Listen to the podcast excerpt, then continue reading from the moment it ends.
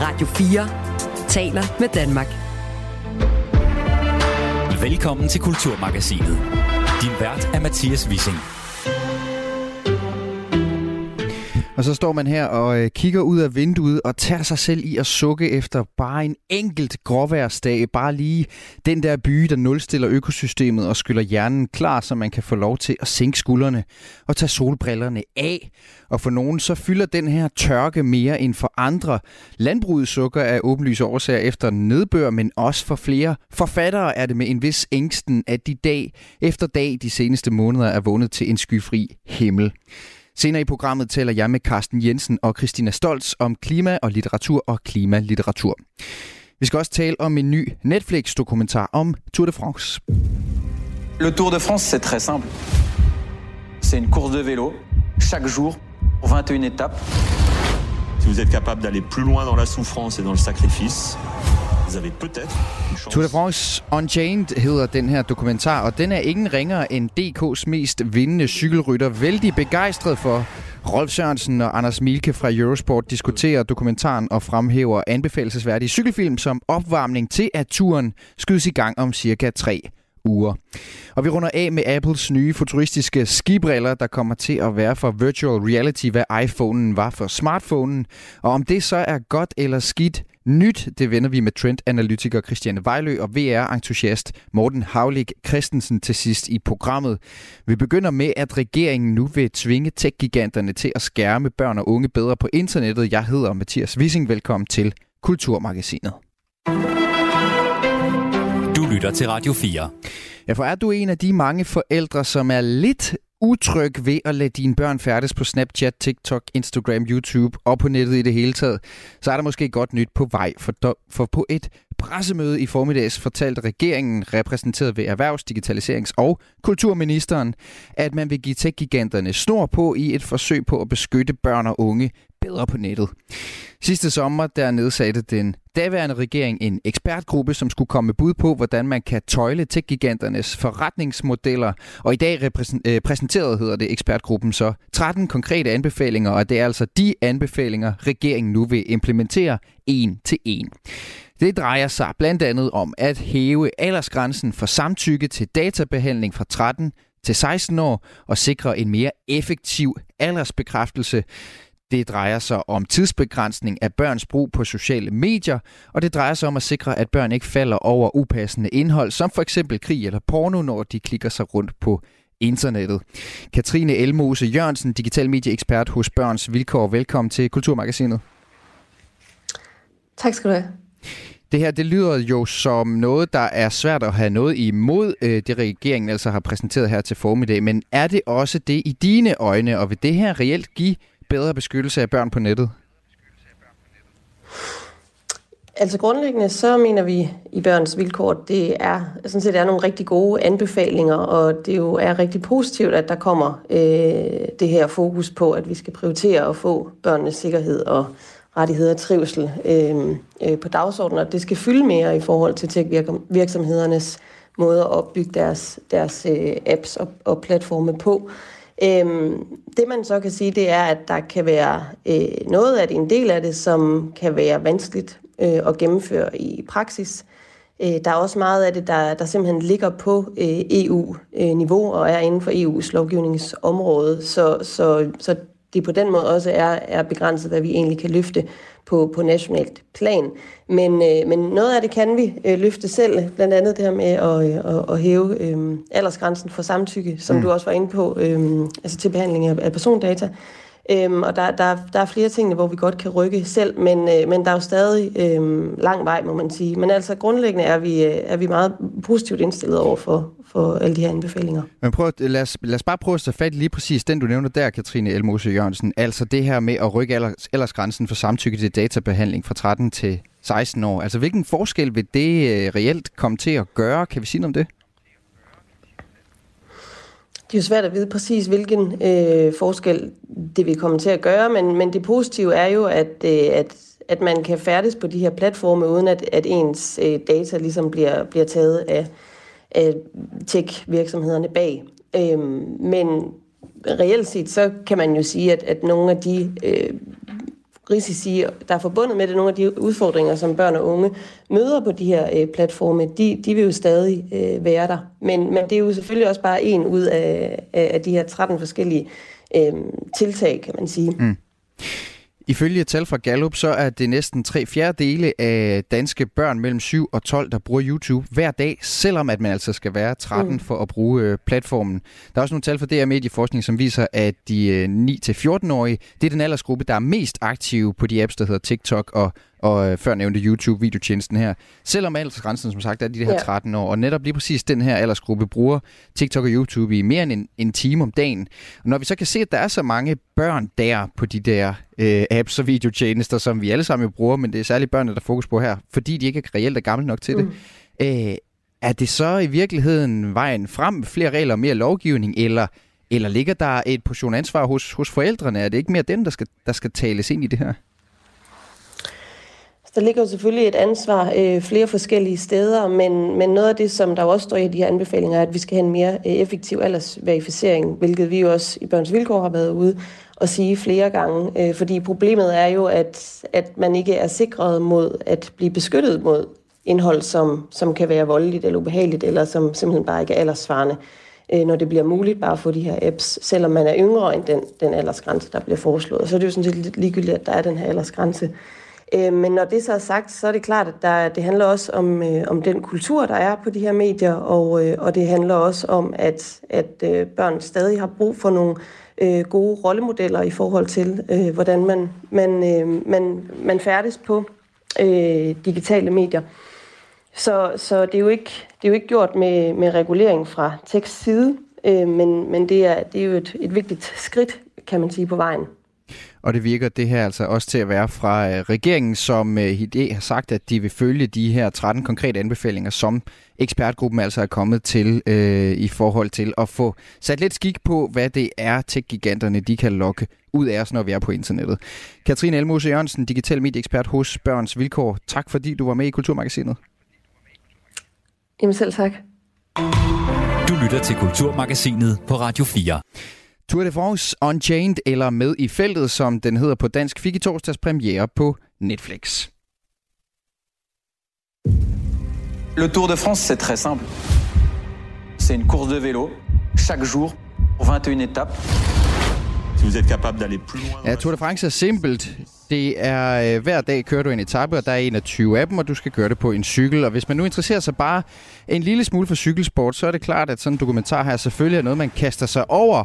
Noget, man også kan se ved, at den i dag er nummer to på Netflix liste over mest sete her i landet. Og jeg satte den selvfølgelig på med min kæreste, og først så blev vi mindet om, hvor, hele, hvor vildt det hele i virkeligheden var der til verdens største cykelløb sidste år. De startede i Danmark, Vingård ind med den gule trøje, men så indfandt der undervejs måske lidt en, en mathed, hvor de her helt naturlige spændingskurver, der jo ligger i etapernes natur, mixet med en vældig dramatisk Hans Zimmer-agtig score, nogle gange kommet over i det lidt banale og overfladiske.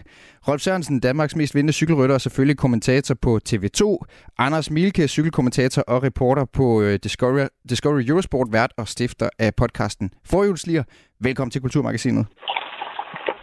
Mange tak. Mange tak. Øh, Rolf Sørensen, du har set knap halvdelen af de her otte afsnit. Er det ikke rigtigt, det bliver lidt for meget staveplade øh, i den her dokumentar, når man nu godt ved bare lige en ting eller to om cykling? Ved du hvad, det, nu har jeg set så mange kommentarer og folk, der kommenterer på det, og det synes jeg faktisk ikke. Der er der selvfølgelig noget, at os, som har været cykelsporten i 100 år, godt ved, men det er der en mangfoldiggørelse igen, og jeg synes, at der er en utrolig fantastisk altså, måden det er filmet på, måden vi kommer bag kulissen. Øh, jeg, jeg, jeg bliver grebet. Det er muligt, at jeg bliver grebet let af min egen sport, men, men øh, jeg synes, det er, det er godt. Det mest. Og Anders Milke, du har set de øh, otte samfulde afsnit allerede, og du var som mig lidt lunken i starten, men du er blevet overbevist, så vidt jeg kan forstå på dig. Hvad synes du om den her dokumentarserie? Jeg synes, at, øh, at den kan noget. Øh, jeg er enig i, at i, i begyndelsen, da jeg så de første par afsnit, der var jeg sådan, øh, at det her det er meget til øh, de nye cykelfans. Det er ikke så meget til aficionadosene, som vi, som vi kalder det, de hardcore cykelfans. Men det er en meget, meget vigtig serie for cykelsporten. Øh, dels fordi, at, at cykelsporten er ikke så stort global og rent kommercielt, så er det øh, sindssygt vigtigt, at, at den kommer ud på det her store marked. Og, og jeg synes faktisk, at de kommer i mål med at forklare tingene, forklare udtrykkene øh, i cykelsporten. Og øh, jeg må sige, at øh, jeg sad og spændte i musklerne flere gange undervejs, øh, når jeg så finalerne. Jeg var, jeg var faktisk begejstret. Men er det sådan, øh, Anders Milke, at vi bare har en usædvanlig høj standard for sportskulturprodukter i Danmark? Altså er vi sådan lidt en nation af aficionados, som derfor øh, synes, at, at det er, øh, øh, hvad, jeg skulle til at sige banalt, det synes jeg ikke. Jeg synes faktisk også, det er en do- god dokumentarserie, men jeg var ikke blæst bagover i starten i hvert fald. Altså ved vi bare meget om cykling i forvejen her i landet, og når der så kommer sådan en gigant som Netflix og skal lave noget, så er det klart, at vi ved det mest i forvejen. Ja, det gør vi, og det gør vi jo takket være manden, der sidder bag linjen, Rolf Sørensen, som øh, har kommenteret Tour de France på TV2. Det er jo et, øh, det er jo blevet et kulturprodukt i Danmark, øh, Tour de France, og Rolf kan også sætte lidt ord på, hvor, hvor mange seere der er øh, på, på TV2, særligt øh, under Tour de France. Øh, alle sidder og ser med, øh, så, øh, så det er en ting, men, men du har også ret i, at, at cykelsporten har udviklet sig de sidste par år, særligt efter det startede i Danmark, Tour de France. Der kommer rigtig mange hardcore fans, der kommer rigtig mange, der er begyndt til cykling, og lige pludselig øh, udnævner sig selv som eksperter. Så, øh, så jo, Danmark, øh, de, øh, de har mange erklærede cykeleksperter i landet. Mm. Men det får altså rigtig godt fat i specielt de nye cykelfans, også lige dem, der ligger, at, at, at Danmark trods alt ikke Netflix eneste målgruppe, øh, desværre. Rolf Sørensen, hvad kunne du godt lide ved den der dokumentarserie? Du har du set halvdelen ligesom mig? Jamen altså, jeg synes jo først og fremmest, at den, øh, den gør jo lige præcis det, at I ringer, de ringer, I ringer til os, fordi det skal debatteres. Og så, så synes jeg jo allerede, at man har vundet et eller andet sted. Øh, og så dem, der synes, de er øh, for kloge til, til de gider se den, de må lade være at se den. Øh, jeg synes, den fanger igen altså mangfoldigheden, og, og vi kommer ind bag kulissen. Øh, der er nogle... Øh, altså selvfølgelig starten i København var jo fuldstændig vanvittigt for os alle sammen. Øh, og det er jo et H.C. Andersen-eventyr, det ender med at vinde.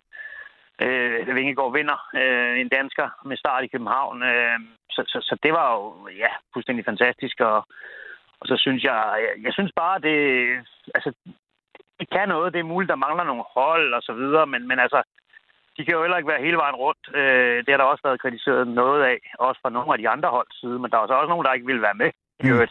Ja. Øh, men øh, ja, og, jeg må sige, jeg, ja, ja. Og, og nu når vi snakker om sådan, øh, hvis vi skal finde hår i suppen, øh, og det kan vi jo godt lide, det er jo også en folkesport, Anders Milke. Hvad er det så, der glemmer vi sit fravær? Ja, der mangler nogle ting, og det vil Rolf også give mig ret i. Vi mangler jo at høre fra Tadej Pogacar og, og UAE-holdet, som er øh, rivalerne til Jumbo Visma. Vi får slet ikke fortælling om, at øh, Pogacar mister fire hjælperytter undervejs i turen på grund af corona. Vi får ikke rigtig den øh, insight hos Pogacar, som vi savner aficionados, når vi ved, hvor, hvor hektisk det var for UAE med, med det her coronakaos. Og så øh, skaber de også en fortælling, som ikke er der, men det gør de, fordi at de kun har otte hold, de har fokus på, de har fået øh, exclusive rettigheder til at følge otte hold, og et af dem, det er Groupama FDG, og dem skal de koge noget suppe på, og det er David Gody, øh, hans kamp om, han kæmper om podiepladsen, men, men han var aldrig rigtig tæt på øh, Garen Thomas, øh, så der laver de et afsnit og bygger et afsnit op om noget, mm. som som ikke rigtig øh, skete, synes jeg, men, øh, men der er rigtig mange interessante perspektiver. Hvis jeg skal sådan komme med min favoritting, så er det, at vi faktisk får nogle sekvenser, og nu skal vi ikke spoil for meget, men der er nogle sekvenser i busserne og øh, øh, i sportsdirektørbilerne, hvor de er uenige med hinanden. Det ser vi jo ikke øh, så tit. Øh, Garen Thomas øh, retter kritik mod sin sportsdirektør. Er det nu en god idé at sende Tom Pitcock afsted? Øh, det ender jo så med, at han vinder den etape, Tom Pitcock, men det synes jeg var mm. interessant at få det indblik. Altså, der, vi er alligevel lidt med i kulisserne her, men også med et par øh, journalistiske stramninger, eller dokumentaristiske stramninger undervejs. Jeg hæftede mig ved den, øh, som foregår efter fjerde etape. Det er den første gang, de kører i Frankrig. Det er andet afsnit i dokumentarserien her, hvor at Vingegaards holdkammerat Wout van Aert, han øh, vinder, men sætter Vingegaard undervejs, øh, noget de så dramatiserer i dokumentaren. Og Vingegaard, han siger sådan her. Of course it was a shame not to gain a few seconds on Tadej. I was upset. I would really have like to be on the wheel of, of Wout. He was just so strong. And I think, of course, if he would have waited on the top just two seconds, then maybe could make the difference. We have a lot of different goals at Team Jumbo Visma, but the biggest goal is to win the yellow jersey. So if one day we need Wout to sacrifice his chance for, for winning the stage, I would hope that Wout knows that's how it is. Altså, de maler sådan lidt en konflikt her, hvor det er lidt et problem, at Van Aert, han, øh, han, han kørte sin chance her, i stedet for at vente på Vingegaard. Noget, som jeg så har set Van Aert i dag har været ude og sige, vi er de bedste venner i hele verden. Det, øh, der, er altså ikke, mm. der er altså ikke nogen konflikt her, Rolf Sørensen. Er det godt tv, det her, eller er det sådan lidt en journalistisk, dramatisk stramning, som skal til nogle gange, en gang imellem for at, at trække nogen ind i biksen?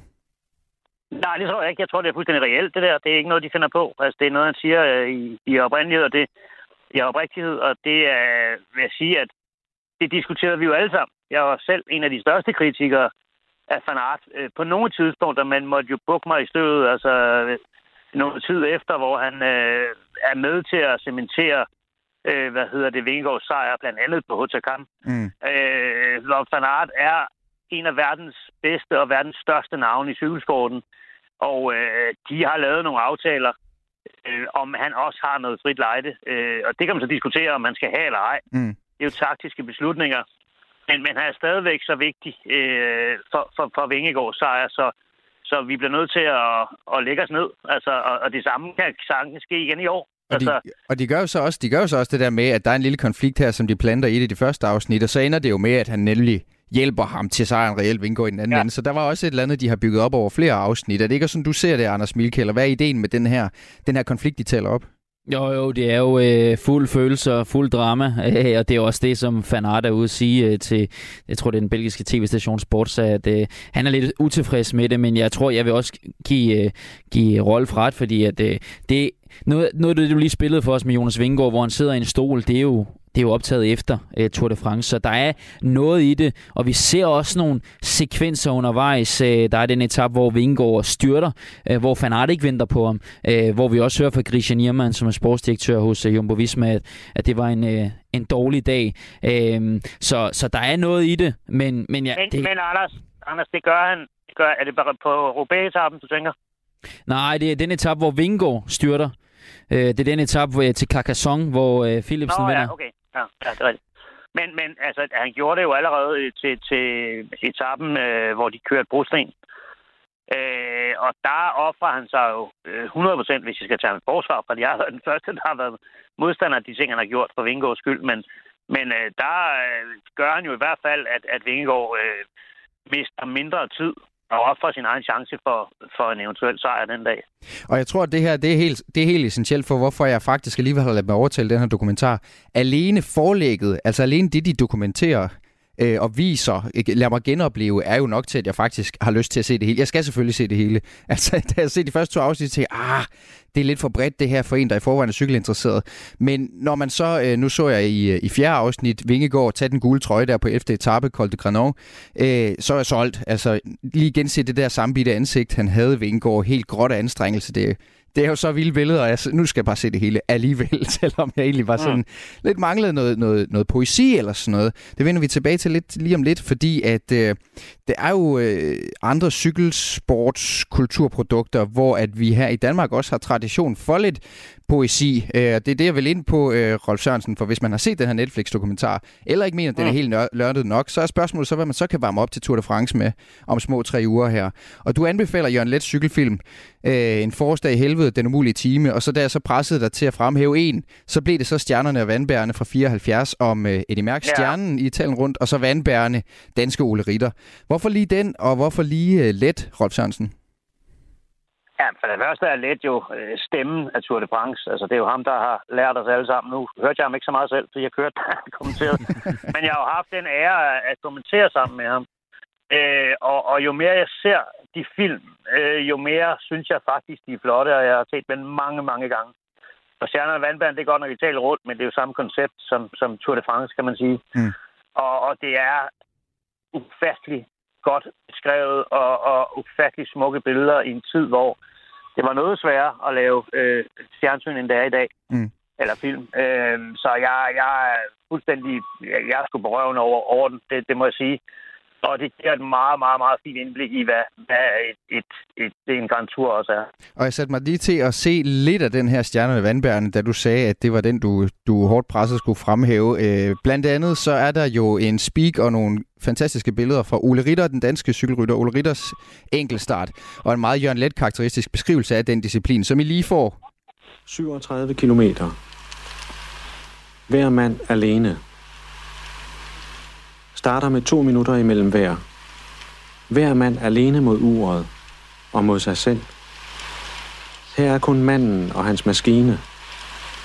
Her er kraft, psyke og stil i det enklest mulige udtryk. Sandhedens prøve.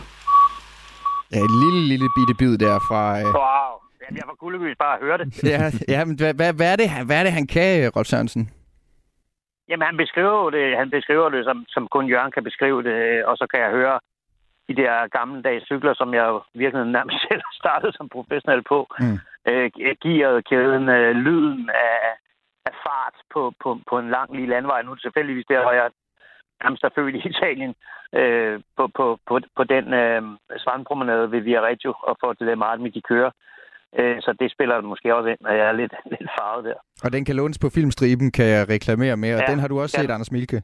Ja, det har jeg, og det, jeg, jeg giver jo uh, Rolf ret. Der, uh, jeg vil så også sige, der, der findes ikke nogen som, som let, i, uh, heller ikke i dag. Det, det er en moderne uh, teknologi, vi har, og selve filmbranchen i sporten, som, som fortæller, som han gør. Uh, og der er ikke kommet noget før eller siden. Uh, det, som han har leveret, ikke kun med Stjerne Vandbærne, men også med en forårsdag i helvede, og, og den umulige team, som han også har, har lavet. Mm. Og alligevel, øh, og den har jo noget poesi, som ikke måske på samme måde er sådan øh, eksplicit i hvert fald i øh, Tour de France-dokumentaren der, Unchained, men øh, alligevel anbefaler du, Anders Milke, her til sidst, at vi logger ind på Netflix igen for at finde en ekstra cykeldokumentar lige der. Den, som hedder Movistar Team 2019 om cykelholdet Movistars udfordringer og kontroverser. To sæsoner, seks episoder hver. Vi hører lige lidt af, hvordan det lyder. Llegar al mayor arco iris, la verdad que es una pasada. A cada competición que voy es como si hubiese ganado ya. Y al final, pues eso pesa. Ja, det foregår på spansk det her, for det er et spansk cykelhold, og det er Valverde, og det er Landa, og det er Quintana. Øh, Milke, hvad synes du, den her dokumentar byder på? Jamen, øh, modsat noget af det, at, øh, som, som jeg savner lidt i den nye Netflix-serie om Tour de France, så er det her, det, det er helt råt. Øh, vi kommer helt tæt på, på Movistar-holdet, og, og de udstiller sig selv flere gange. Øh, jeg tænker også, at Rolf kan give mig ret i det, men jeg synes bare, det er så fascinerende at se dem på så slap line, at, at der ikke er at det her polerede ting, og der er ikke noget, der er blevet kortet ud. Øh, vi får virkelig øh, konflikterne tæt på og ser de udfordringer, rullerne har. det er jo fordelen ved at følge et cykelhold kontra øh, otte hold i Tour de France, det er, at du får dem meget mere tæt på, og du følger dem i en hel sæson. Og jeg vil så anbefale, at man, hvis man ændrer sit sprog ind på Netflix til engelsk, så kan man også se den nye og tredje sæson, hvor det er endnu mere dramatisk med Miguel Angel Lopez, som øh, forlader Vuelta i Spanien. Jeg mener, det er i, i 2021. Ja. Jeg er fuldstændig enig, Anders. Den er fantastisk også, og den giver et, et råt og upoleret indblik i, hvordan tingene foregår på et cykelhold. Øh, og, og måske er det sådan et af de hold, der har de mest, øh, hvad skal man sige, gammeldags traditioner stadig i hævd, hvor det er blevet meget mekanisk og meget styret i dag af mange andre hold. Mm. Men det her, det her jeg, det var som at se mit eget hold, da jeg kørte øh, i, tilbage i, i 90'erne. Altså, det, der er sgu ikke styr på tingene hele tiden. Øh, du er i, i naturen, du er i elementet, øh, og øh, du skal tage beslutninger undervejs.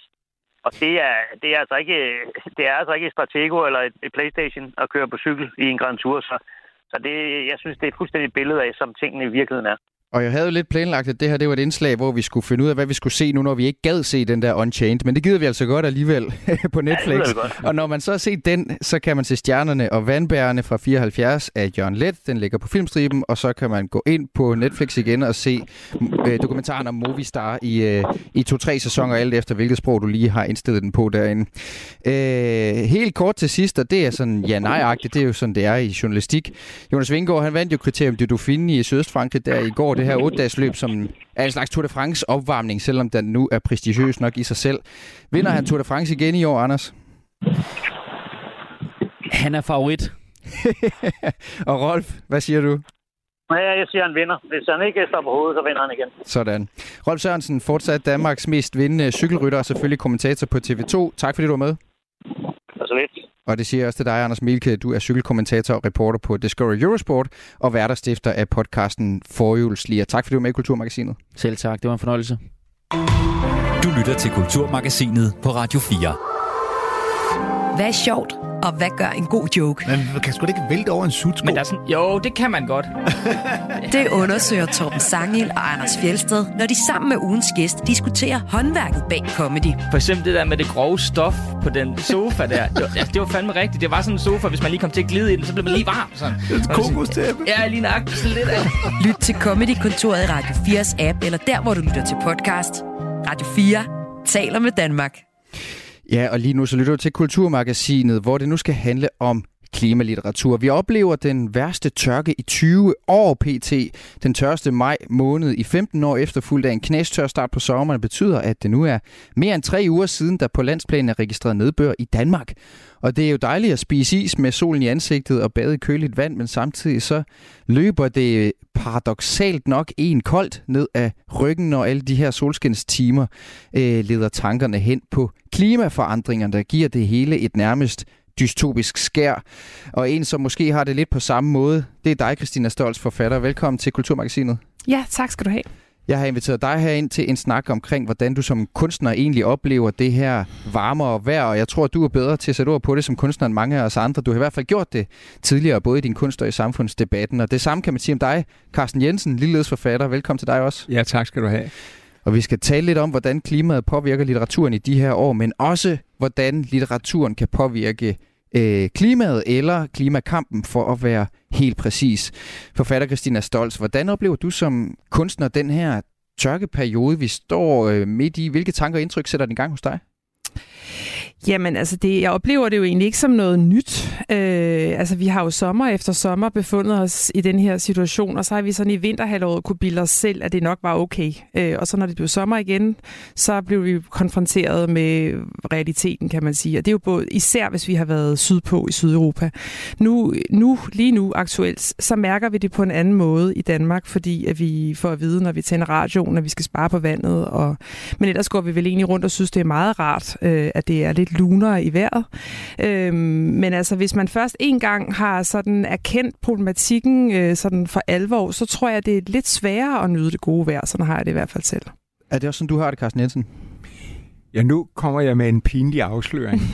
jeg har overhovedet ikke lagt mærke til det. Jeg har overhovedet ikke tænkt over, at nej, det solen skinner hver dag, og hvor er det skønt, og jeg har heller ikke sat det i forbindelse med klimaforandringerne. Mm. Til gengæld har jeg så læst meget om de enorme skovbrænde i Kanada, mm. og de er jo, som Christina også siger, det er jo et nu årligt tilbagevendende fænomen. Så er det Australien, der nærmest brænder af for et par år siden.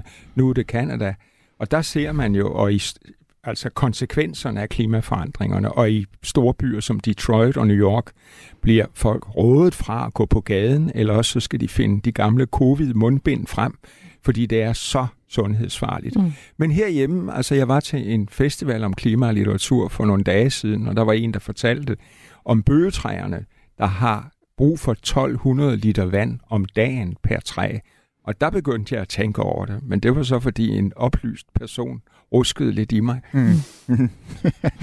øh, Christina Stolz, du har jo selv skrevet om, om klima, øh, altså ført klimaet også ind i litteraturen i din, i din øh, seneste bog for evigt. Øh, hvordan er klima en del af, af, af den bog, som jo ellers, når man lige sådan øh, først orienterer sig i den, handler om altså et generationsportræt af, af tre generationer af kvinder? Det er rigtigt, det handler den om. Men den handler om, altså klima kommer ind i romanen, fordi at der er en af hovedpersonerne, som er øh, aktiv i den bevægelse, som hedder Extinction Rebellion. Og, øh, og den er jo, det er jo en samtidsroman, så jeg har jo nærmest skrevet den, øh, mens den foregår, så at sige. Og på det tidspunkt, da jeg sad og skrev under nedlukningen, så var der en, en stor blokade ude ved Amagerfællet, fordi at Amagerfællet er et område, hvor man vil bygge Øhm, og de her aktivister, de øh, kæmpede for, at det ikke skulle ske, og det gør de sådan set stadigvæk. Og så skrev jeg romanen ind i det univers, så den, den her bevidsthed, der er i de her karakterer, den rækker selvfølgelig langt ud over øh, den lokale problematik, men de ser den som en problematik, så de, de ser den problematik som et billede på det større problem, altså at vi hugger øh, Amazons regnskoven ned, for eksempel. Ikke? Mm. Øhm, så, så det er en meget lokalt forankret øh, ting, der foregår, men den taler ind i et meget større billede. Mm. Og, og, og Carsten Jensen, du har jo også beskæftiget dig med klima flere forskellige steder, på flere forskellige platforme. På det seneste, der har du skrevet øh, klimadigte. Øh, altså ikke, du har skrevet en, en, en, en omfangsrig roman, øh, Christina, her på lidt over 400 sider. Og Carsten Jensen, du, også, du bevæger dig også, for, for du gør også det andet, men også helt ned i de helt korte formater på, på Facebook, hvor du har skrevet nogle klimadigte. Hvorfor har du det?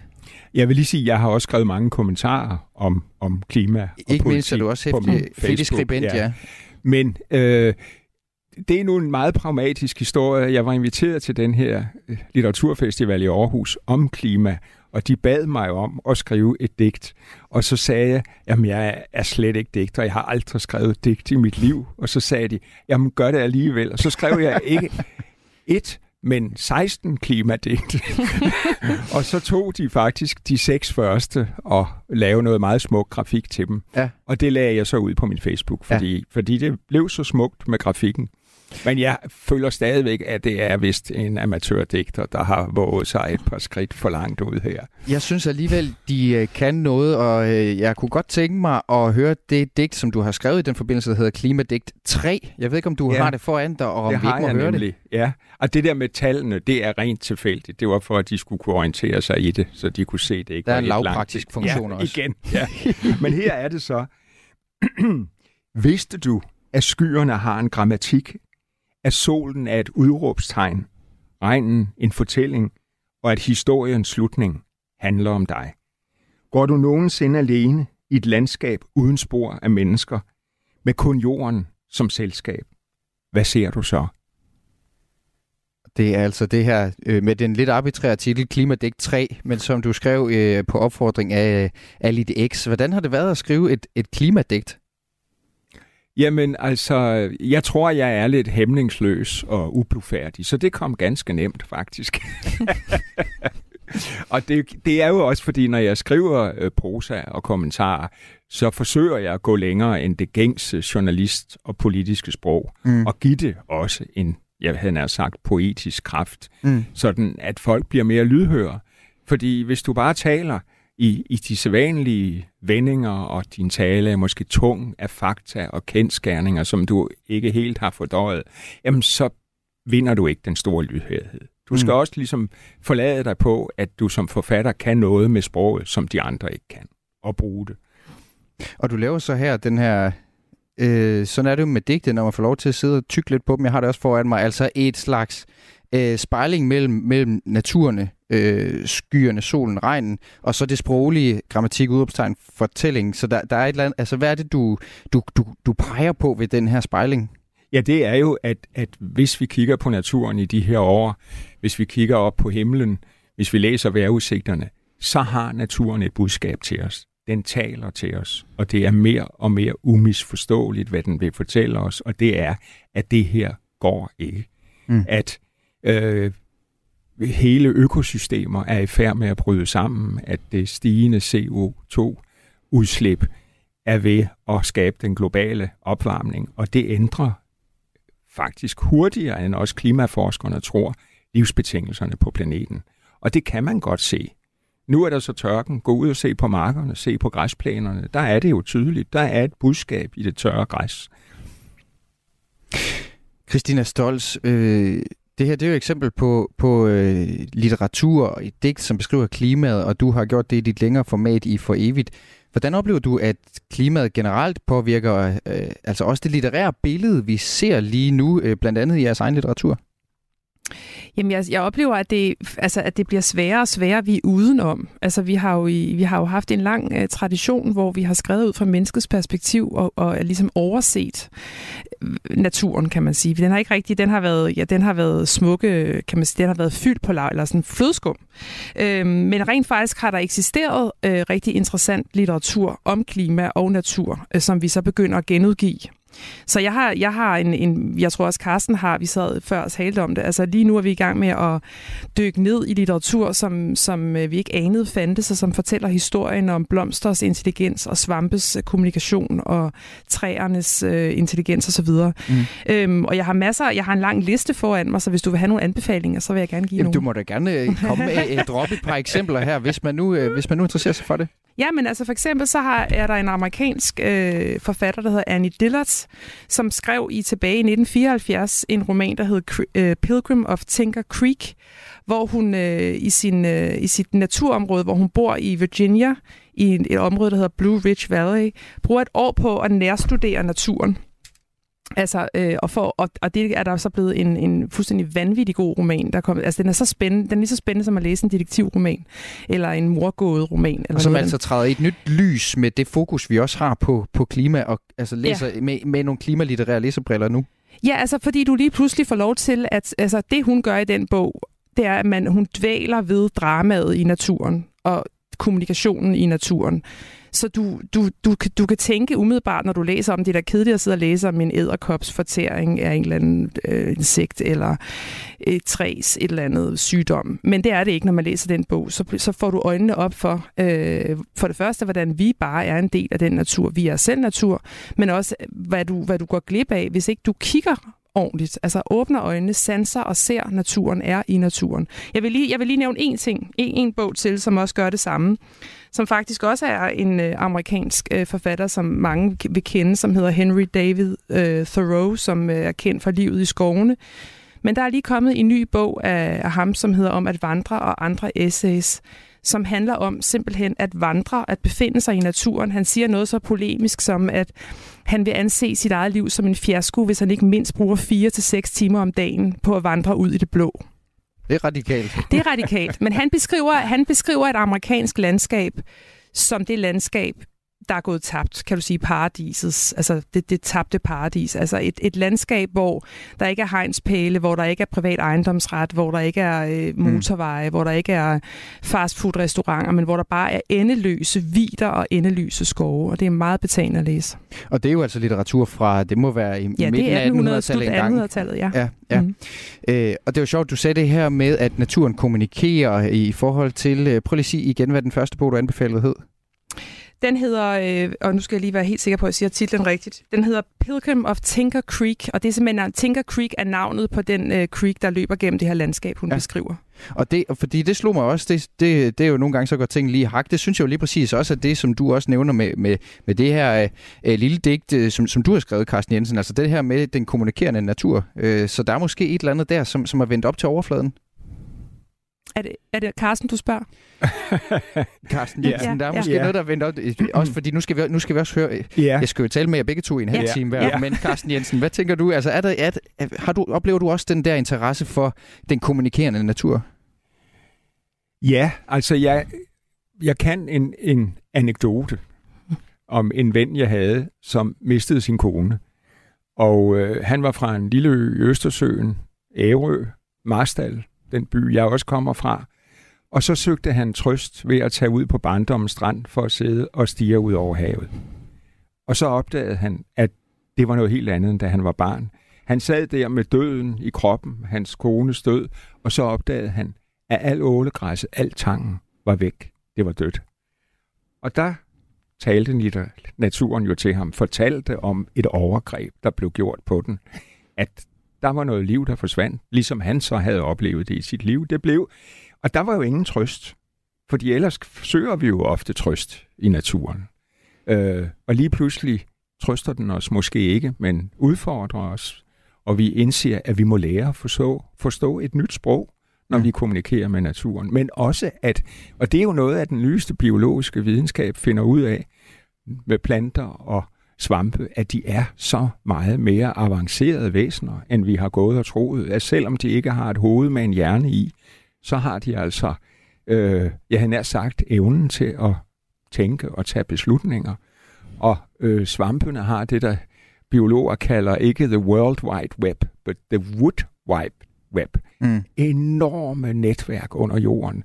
Honningsvampen er faktisk jordens største organiske skam, øh, skabning dens netværk kan brede sig over 10 kvadratkilometer. Den veje kan veje op til 200 tons og være 8.000 år gammel. Og så er spørgsmålet jo, hvem er den overlegne skabning her? Os, de forvilede mennesker, der hvis vi er heldige holder 70-80 år øh, og må opfunde, finde alle mulige kunstige redskaber for at kunne kommunikere med hinanden. Der kan naturen nogle gang noget, vi kunne lære af, og vi måske bare prøver at imitere. Altså naturen er opdager vi i de her år, samtidig med, at den er truet, samtidig med, at masseudryddelsen finder sted, det forskere kalder den 6. masseuddøen, opdager vi også, at den er meget, meget rigere, end vi vidste. Mm. Og er det så sådan en, øh, en øh, research, du laver, en info, du tillægger dig, Carsten Jensen, som gør, at du tænker, her kommer en roman. Kan man godt øh, sætte sig for også at skrive om klimaet øh, i sit arbejde som forfatter, fordi jeg har jo måske sådan en romantisk øh, idé om, at det skal være noget inspiration, der slår ned, og så kan man altså ikke som forfatter på forhånd lige beslutte sig for, hvad det så skal dreje sig om. Kan man godt sætte sig ned, hvis man nu synes, det er en vigtig sag, man også vil skrive om, og så sige, nu skriver jeg, nu, nu skriver jeg sgu en, en, en klimaroman, nu skriver jeg klimalitteratur?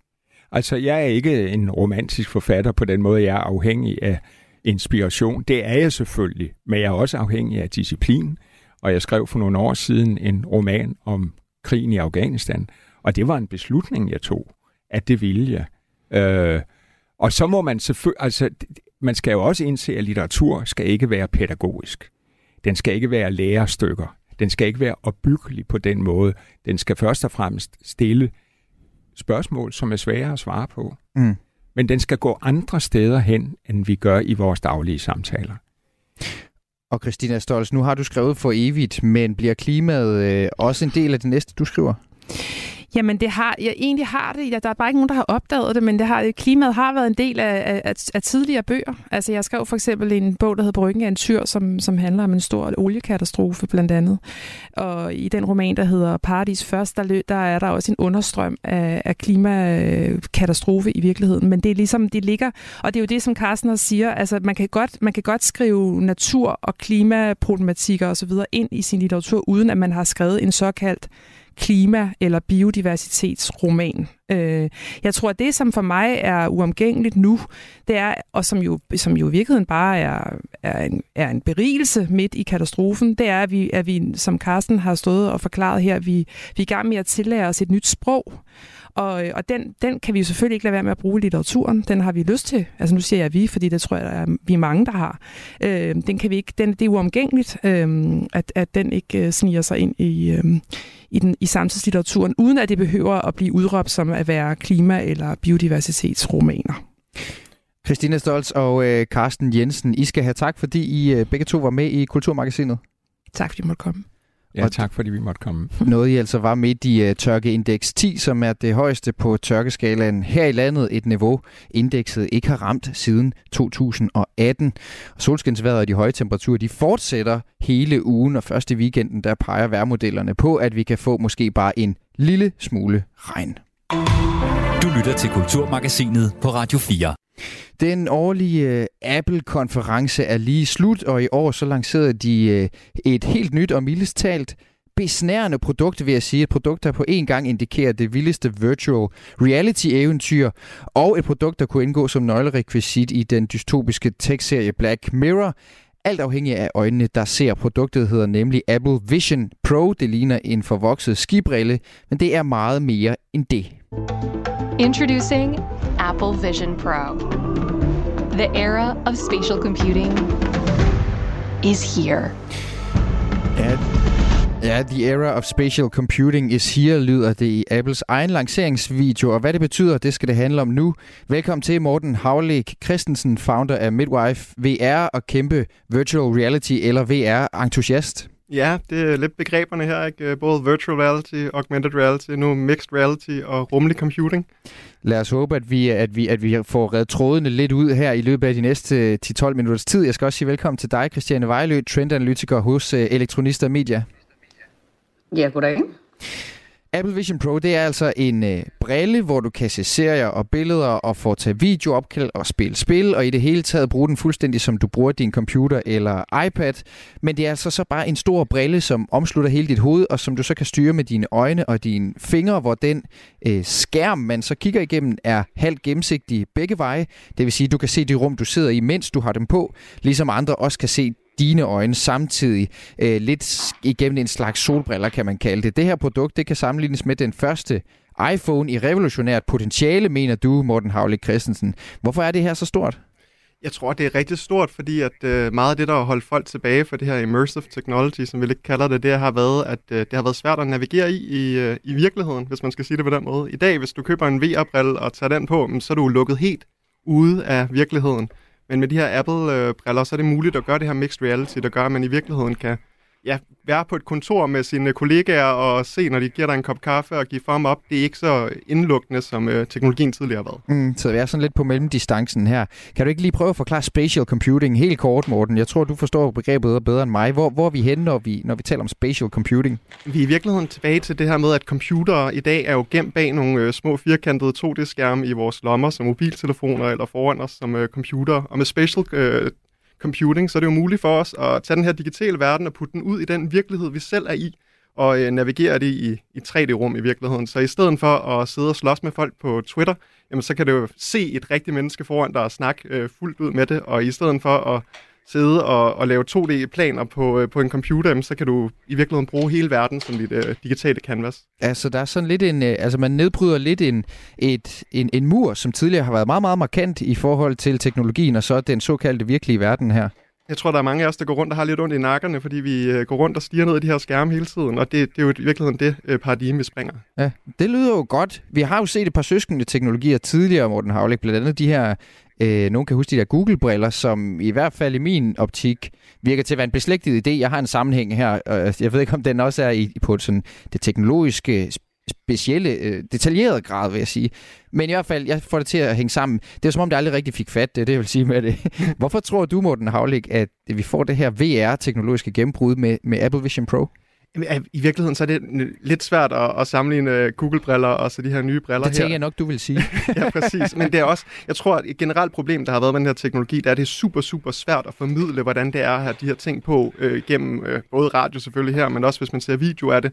Øh, og, og det her, det er bare en helt anden oplevelse. Det, det er 10x, hvor, hvor Googles briller var sådan en lille øh, frimærke op i dit ene side og i øjet, hvor du kunne se lidt tekst på. Men så er det her jo noget, der tager hele dit field of view, eller alt det, du ser foran dig, og, øh, og kan putte objekter ind i det. Så det er, det er ligesom nogle øh, order of magnitudes bedre. Og Christiane Vejlø, uh, trendanalytiker hos Elektronister Media, altså uh, mener du også, at Apple Vision Pro kommer til at være sådan et gennembrud inden for den her teknologi? Jeg tror helt klart, at øh, det her det bliver en, en teknologi og en måde at, at være i verden på, som at vi kommer til at skulle vende os til. Apple har været rigtig gode til ikke nødvendigvis at opfinde og komme først, men til gengæld at komme ud med noget, som giver mening og som folk kan finde ud af at bruge. Og jeg er ret sikker på, nu har jeg ikke selv testet de nye, men jeg er sikker på, at det er en fantastisk oplevelse, som dog ikke har så mange applikationer endnu. Så det er jo selvfølgelig derfor, de præsenterer det for udviklerne til at starte med. Det koster altså vanvittigt mange penge, så det kommer ikke til at blive mainstream forløbet. Men til gengæld så har udviklerne en mulighed for at lave en hel masse muligheder, vi kan bruge det her på. Så lige nu er det bare sådan, man kan arbejde lidt på sin computer, man kan se en film, hvis man sidder i et fly for eksempel, så vil man kunne have sådan en fuld stor biografskærm foran sig og slippe for at se på de andre i flyet. Så der er sådan nogle forskellige ting, man kan, men det er startskuddet på, på, på den her, det her, som vi ellers også omtaler meget som metaverset. Og nogen har forsøgt at skyde det ned, men, men giv det nu lidt tid, fordi det skal nok blive øh, en måde, vi kommer til at, at, at leve og arbejde på også, altså den her sammensmeltning af den analoge og digitale verden. Og du siger så, at ja, prisen den er indtil videre ret høj, det må man sige. 3500 dollars, knap 25.000 kroner. Det var øh, også noget, der blev reageret på under den her Apple-konference, hvor det blev lanceret. Jeg kan lige prøve at høre en reaktion. Apple Vision Pro starts at $34.99. It will be available early next year on apple.com and at Apple retail stores in the US. Ja, det synes det er sådan halvpeberet. Det er det måske også, men det er jo også øh, banebrydende teknologi, må man sige. Øh, der er en, der ikke er så begejstret for Apple Vision Pro, og det er ham, som er lederskribent på Information, Sebastian Gerding. Han er undersøgende journalist der også, og han har, øh, han har i mange år dækket øh, tekststof. Øh, han siger, at vi ikke har behov for ham at se for endnu et device, der skaber barriere mellem os. Så prøv lige at høre, hvad han sagde til mine kollegaer tidligere i dag. Selve produktet som underholdningsprodukt har jeg ikke rigtig nogen øh, bekymringer for.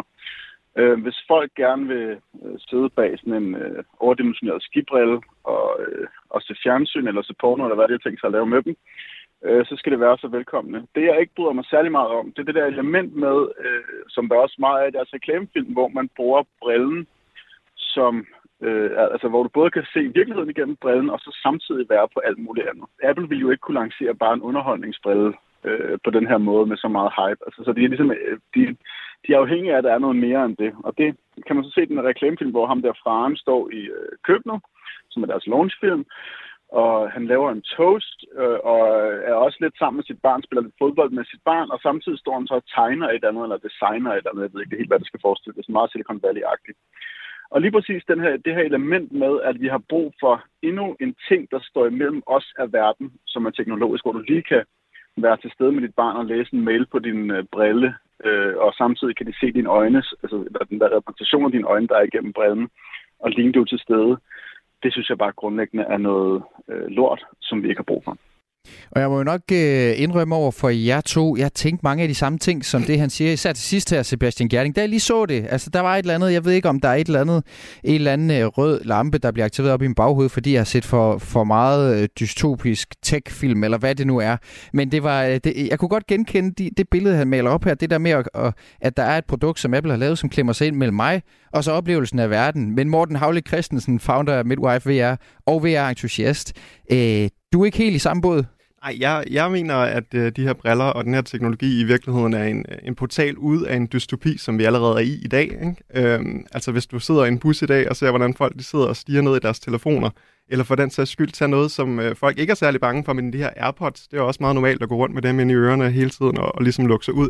Så jeg tror ikke, det er fordi den her teknologi på en eller anden måde... Øh, øh gør det meget værre, end det har været før. Jeg tror i virkeligheden, som jeg sagde også øh, lidt tidligere, så er det det her, der kommer til at muliggøre, at at vi kommer til at kunne ligesom få virkeligheden og de digitale verdener til at flyde sammen, sådan så at når netop barnet er i, i roadmap, øh, roadmaps eller eller hvad de ellers gør, så bliver det ikke en lukket oplevelse i, i, for dem i en, en oplevelse, men det kommer til at være en, en mixed reality, hvor vi øh, ligesom alle sammen kommer til at kunne deltage i det.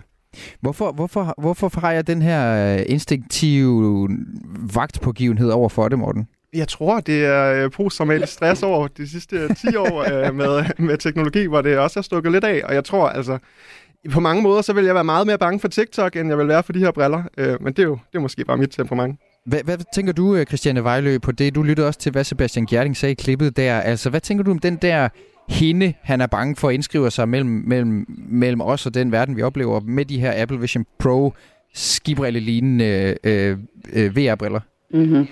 Altså som udgangspunkt, så synes jeg jo, at det er enormt sundt at have en skepsis og stille spørgsmålstegn til, hvad, hvad, hvorfor har vi brug for det i vores liv? Er der nogle ting, hvor det kommer ind og har nogle utilsigtede konsekvenser, som vi ikke ønsker? Det skal man altid tænke, når der er teknologi. Den anden ting, jeg vil sige, det er igen, Apple har gjort noget for at komme først med dem her, så de har altså også en stor, meget kluntet brille, øh, som på sigt kommer til at blive mindre, og, og det i sig selv vil jo skabe mindre afstand og så kan man jo også, hvis man skal udfordre den lidt, og igen, det er ikke fordi, jeg ikke siger, at man skal være skeptisk, men man kan jo sige netop, som vi også hørt her, vi er meget forsumpet ind i vores skærme, og har blikket bøjet nedad. Altså med den her sådan, øh, mixed reality, så kommer vi til faktisk til at løfte hovedet op, og måske sidde i vores sofa over for vores gode ven, som bor på den anden side af kloden, og have en samtale. Så i de sammenhænge, hvor vi ikke fysisk kan være til stede sammen, jamen, så får vi en meget mere real lignende form for samvær øh, gennem det her. Så der er jo selvfølgelig også nogle muligheder for at være social på en anden måde, men igen, det kommer helt an på, hvordan vi vælger at bruge det, hvad vi vælger at sætte fokus på, øh, og, øh, og om vi evner ligesom at bevare vores øh, analoge liv tilstrækkeligt også. Men det kan også godt være, at det er fordi, at sådan nogle briller som dem her, de minder mig lidt om noget, jeg har set i øh, den der dystopiske Netflix-serie Black Mirror, som i øvrigt lige har annonceret, at der kommer en sæson 6 her den 16. juni. Det bliver spændende at se, hvordan de har tænkt sig stadigvæk på en eller anden måde at være på forkant med, med tek- den teknologiske udvikling. Men flere afsnit i den her serie, de har en teknologi, der minder isnende meget om det, vi får med Apple Vision Pro, hvor de så bare bruger det til for eksempel at optage alt omkring sig, eller dokumentere alt, eller kunne spole tilbage og sige, hvad bliver der i virkeligheden sagt, og det viser sig i virkeligheden ikke at være særlig sund for vores kultur og vores samvær. Det her med, at der i virkeligheden er teknologier, som i hvert fald i Black Mirror tit viser sig at skabe nogle grufulde scenarier, i ikke så fjern øh, fremtid. Er der ikke noget skræmmende ved den her teknologiske udvikling for dig at se, Christiane Vejlø, og også dig, Morten Havlæg, lige, lige på bagkant af det? Øhm, jo, øh, altså, jo, helt klart. Øh, det kan da virkelig være øh, super skræmmende. I Black Mirror, der er det jo netop det her med, at man optager alt, og så sidder man og er uenig om, hvad der skete i den her situation, og så skal man genspille sin hukommelse for, for den anden person, hvilket altså forårsager alt form for ravage. Øh, og så, så teknologien kan stikke af på alle mulige måder. Øh, og, og derfor skal vi jo undervejs, og ikke kun med det her, også med data generelt, og med sociale medier, tech-giganter osv., have de her kontinuerlige snakke om, hvordan vi gerne vil have, at det her bliver en del af vores samfund, øh, hvordan det ligesom kan alignes med menneskelige værdier, øh, og hvordan vi gerne vil have, at fremtiden ser ud. Øh, så, så, så alle de her spørgsmål er, er, er super, super vigtige undervejs. Øhm, og så samtidig så kan man jo så også sige, jamen, øh, hvad, hvad, hvad gør vi selv? Altså, vi er allerede i en situation, hvor vi er altså, på en eller anden måde fordybet for meget og for tit måske. Og det var jeg afbrudt lidt, Christiane Vejlø, for jeg skal også lige nå at høre Morten Havlik. Det var nemlig også inde på. Øh, er du slet ikke skræmt af det? Vi har lige 20 sekunder her, før vi lukker ned. Jo, jeg tror, der hvor jeg bliver bange, det er, når vi tager sådan noget teknologi som det her, og putter det oven i sådan noget, som vi ser for chat-GPT og en robot samtidig, sådan, så du kan have en, øh, en digital partner, som uh, altid er tilgængelig for dig og elsker dig, ikke tænker på andet end dig. Uh, det er jeg virkelig bange for at komme til at udkonkurrere Morten Havlik Christensen, Christiane Vejlø, tak du har lyttet til en podcast fra Radio 4. Find flere episoder i vores app, eller der, hvor du lytter til podcast. Radio 4 taler med Danmark.